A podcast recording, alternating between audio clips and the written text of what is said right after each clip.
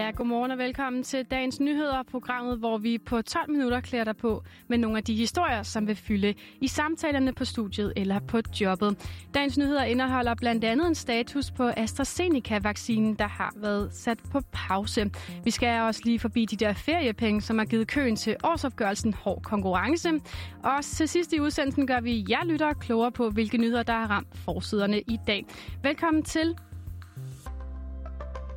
mit navn er Julie Vestergaard, og med mig har jeg Thijs Eriksen. Godmorgen. Godmorgen. Thijs, jeg synes lige, at vi skal starte med at snakke om de her feriepenge.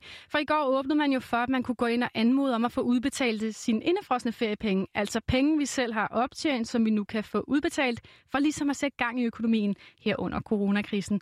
Var du inde og tjekke, om du havde penge til gode? Ja, det var jeg sammen med 280.000 andre danskere. Ja, sammen her, og der var virkelig mange derinde, og også vores kollega Charlotte Bjerg her. Og lad os lige høre, hvordan det gik, da hun forsøgte at komme ind i køen. Nu prøver jeg lige at gå ind på borger.dk. Du kan opleve, at mange forsøger at bestille indefrosne feriemidler lige nu. Derfor er der lang kø. Bestil feriemidler. Okay, vi tjekker. Ja, du kan opleve kø til selvbetjeningen. Okay, du er nu i kø til bestilling af indefrosne feriemidler. Dit kønummer er 3 millioner 86.194. Jeg tror ikke lige, det bliver nu. Jeg får se, hvor mange feriepenge jeg skal have tilbage. Ja, jeg tænker, at der var mange, der ligesom Charlotte her måske ventede til presset ikke var så stort. Det her det var altså omkring klokken øh, halv fem i går eftermiddags, og på lidt over 6 timer havde over 335.800 øh, danskere altså været inde og bestille de her feriepenge. Det svarede til, at de havde anmodet om at få udbetalt næsten 4,6 milliarder kroner før skat. Og de her indefroste feriepenge, de er jo resultatet af en omlægning af ferieåret, som følger en ny ferielov. Egentlig var det meningen, at de her penge først skulle udbetales til danskerne, når de gik på pension. Men på grund af coronakrisen er det aftalt, at de skal udbetales før tid. I alt har det været øh, fem ugers feriepenge, der har været indefrosset, og i efteråret så fik lønmodtagere og andre med indefrosne feriepenge altså mulighed for at få udbetalt tre af de fem uger. Og nu kan vi så få udbetalt de sidste to uger, og det er jo som sagt for at sætte lidt skub i økonomien. Og vi kan lige høre, hvad finansminister Nikolaj Vammen han sagde om feriepengene i går eftermiddags. Vi forventer, at det vil sende ca. 22 milliarder kroner ud til danskerne. Det er ganske enkelt en massiv salgvandsindsprøjtning til dansk økonomi, som forventet vil løfte beskæftigelsen med 5.000 personer i år. Og udbetalingen af feriepengene giver for eksempel danskerne mulighed for at støtte lokale erhvervsdrivende. Og øh, gradvist, som vi åbner op, så håber vi også i regeringen, at rigtig mange vil gå ud og støtte den del af oplevelsesøkonomien, som har det rigtig svært. At man vil øh, gå en tur på restaurant eller tage et ophold på en kro eller på hotel, eller på anden vis gå ud og støtte de erhverv, som er så hårdt presset. Ja, hvad skal du bruge dine feriepenge på, Thijs? Uha, jamen altså, der skal jo nogen ind på opsparingen, fordi det er meget mm. rart at have lidt stående, ikke? Men jeg skal også have en ny Playstation, og så, øh, når det forhåbentlig snart åbner, så tror jeg mig og min kæreste, vi rigtig, rigtig gerne efterhånden vil ud og spise, og det tror jeg også, vi skal have mere end en gang. Ja, jeg er enig. Jeg tror også, altså jeg skal noget så kedeligt som til tandlæge på et tidspunkt, og der tror jeg, at nogle af pengene, de skal gå til det. Men jeg savner at sætte mig på en café og drikke en iskaffe og spise en frokost, øh, så det tror jeg også, at jeg skal bruge nogle af mine penge på. Ja, det kunne man altså også godt, ikke? Jo, det, det trænger vi til, og hvis du fortrød, at du ikke fik hentet dine feriepenge sidste gang, så kan du altså vælge at få alle fem uger udbetalt nu.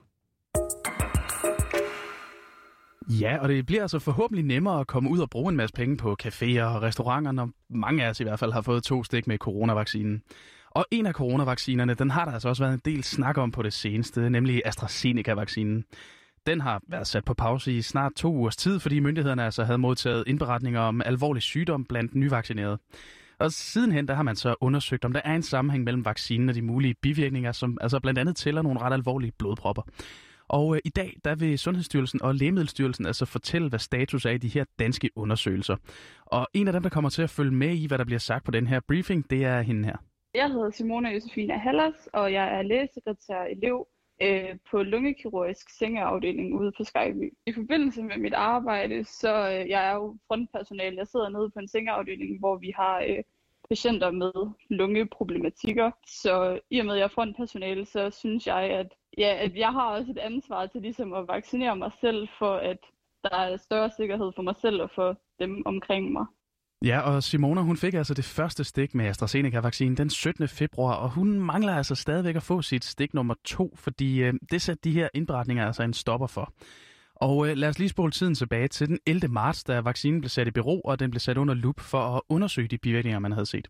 Til start med, da jeg lige hørte der blev jeg faktisk lidt nervøs.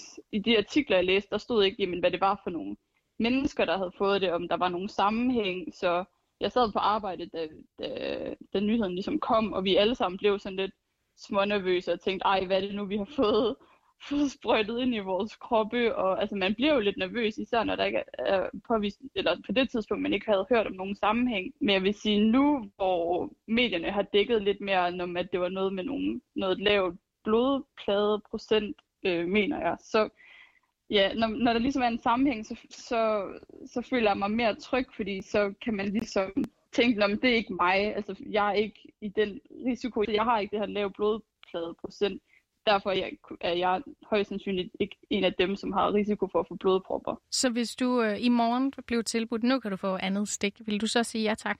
Mm, altså hvis den stadigvæk var god, altså hvis den er, stadigvæk er godkendt, ligesom, altså, ligesom den var fra starten af, så ja, så vil jeg ikke have noget problem med det. Og øh, en anden, der altså også stadigvæk vil sige ja tak til to stik med AstraZeneca-vaccinen, hvis hun fik det tilbudt i morgen, det er Julie Bo Christiansen. Hun har ligesom Simona fået AstraZeneca-vaccinen, fordi hun altså arbejder som frontpersonale. Jeg har simpelthen fået den for at beskytte alle omkring mig, fordi at øh, jeg som social- og sundhedsassistent elev kommer ud blandt en hel masse forskellige aldersgrupper, og blandt andet er det faktisk mest ældre mennesker. Og Julie, hun er altså slet ikke bekymret for de her bivirkninger. Hun er altså tværtimod meget klar til at blive færdigvaccineret. Jeg tænker faktisk ikke så meget, fordi ærligt så er jeg ikke bekymret på nogen måde overhovedet. Øh, jeg var måske lidt småirriteret, fordi jeg gad faktisk egentlig godt bare have mit andet stik, og så sige, det var det. Jeg er sådan set ikke bekymret for, at jeg selv skulle risikere at få en blodprop eller noget, fordi hvis man sammenligner med det, som alle andre gør, det er, at p-piller faktisk har større chance for at give dig blodpropper end andet. Der er jo sådan set på p-piller i mange år, så jeg er sgu, sgu mere bange for at få blodpropper end p-piller, end jeg har fået en vaccine af. Og øh, lige nu så er Lægemiddelstyrelsen altså i samarbejde med det europæiske lægemiddelagentur EMA og de andre nationale lægemiddelmyndigheder i EU, altså ved at undersøge og vurdere sager om netop blodpropper, lavt antal blodprøver, blader undskyld, og blødninger. Og øh, det er, som det er lige nu, så kan det altså ikke konkluderes, om der er en sammenhæng med vaccinen. Og selvom hverken Simona eller Julie, de er afvisende over for vaccinen, så ser det altså lidt anderledes ud blandt den danske befolkning. For en megafonmåling lavet for Politiken og TV2, der svarer hver tredje dansker nemlig, at de ville sige nej tak, hvis de fik den tilbudt. Men det europæiske lægemiddelagentur, de har altså hele tiden fastholdt, at vaccinens fordel opvejer de risici, der er. Og nu er der altså også flere lande, som har genoptaget brugen. Senest er det Finland, der i går meldte ud, at de vil bruge den igen fra i næste uge. Dog kun til personer, som er 65 og ældre. Og hvornår Danmark vil genoptage brugen af vaccinen, det finder vi måske ud senere i dag på den her pressebriefing. Og fra feriepenge og coronavacciner, så skal det altså handle om tidligere statsminister Lars Løkke Rasmussen. Han er nemlig på forsiden af Jyllandsposten i dag. Kan du gætte, hvorfor han har havnet der, Thijs? Uha, altså, det, det er jo moderne at stifte et nyt parti. Vil Lars også det? Ja, i hvert fald så går han øh, så langt, som han nu kan med at erklære det her nye parti, uden faktisk at gøre det. I Jyllandsposten der taler han nemlig åbent om, at der er brug for et nyt parti, som skal overtage den byggerolle, som de radikale havde engang. Og samtidig så siger han, at hvis der er et folketingsvalg i 2023, så tror han, at han vil være på stemmesedlen. Og i går aftes i en Facebook live-video, der sagde han også sådan her. Det er min bestemte ambition, at det her skal blive til et politisk parti. Hvis ellers at det indledende arbejde her over foråret viser, at det har bæreevne. Ja, så efter Lars Løkke Rasmussen han blev øh, løsgænger i januar i år, der fortalte han, at han havde startet et politisk netværk, og dengang lagde han ikke skjul på ambitionen om, at netværket altså skulle blive til et parti, hvis der var saft og kraft i den danske befolkning til det, sagde han til TV2. Siden er det politiske netværk blevet omdannet til en forening med en bestyrelse, så det er da lidt spændende, om Lars Løkke han vender tilbage til dansk politik. Hvad tænker du, Thijs?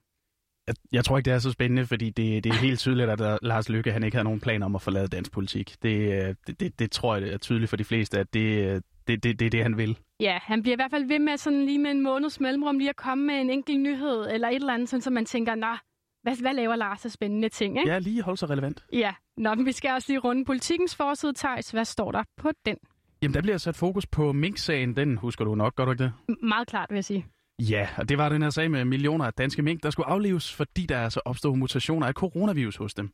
Og øh, i dag, der skriver politikken altså så, at det var Justitsministeriet, som gav Rigspolitiet en instruks om at indlede det arbejde med at aflive alle minkbesætningerne i Danmark. Selvom der altså ikke var lovhjemmel til det. Hmm. Det fremgår af en besvarelse fra Rigspolitiet på en anmodning fra politikken om en agtindsigt. Og det her, det er altså en ret interessant historie, og det er det, fordi regeringen, altså ifølge politikken, har mørklagt den her sag og afvist alle anmodninger med den begrundelse, at den skal undersøges af en kommission. Men det fremgår altså af besvarelsen fra Rigspolitiet, at politiet de fik tilsendt fire dokumenter før pressemødet. Dokumenterne de kom fra Justitsministeriet, der altså er overordnet for politiet, og som dermed kunne give Rigspolitiet instruks om at stille sig i spidsen for aflivningen af de her mink. Hmm. Det er altså ret vildt, at noget som mink kan være med til at starte politiske skandaler. Med den forside, så er vi faktisk øh, nået til vejs ende i dagens nyheder. Den her udsendelse var sat sammen af Anna Søjberg. Din værter var mig og Tejs Eriksen, og vi vil sige tak, fordi du lyttede med.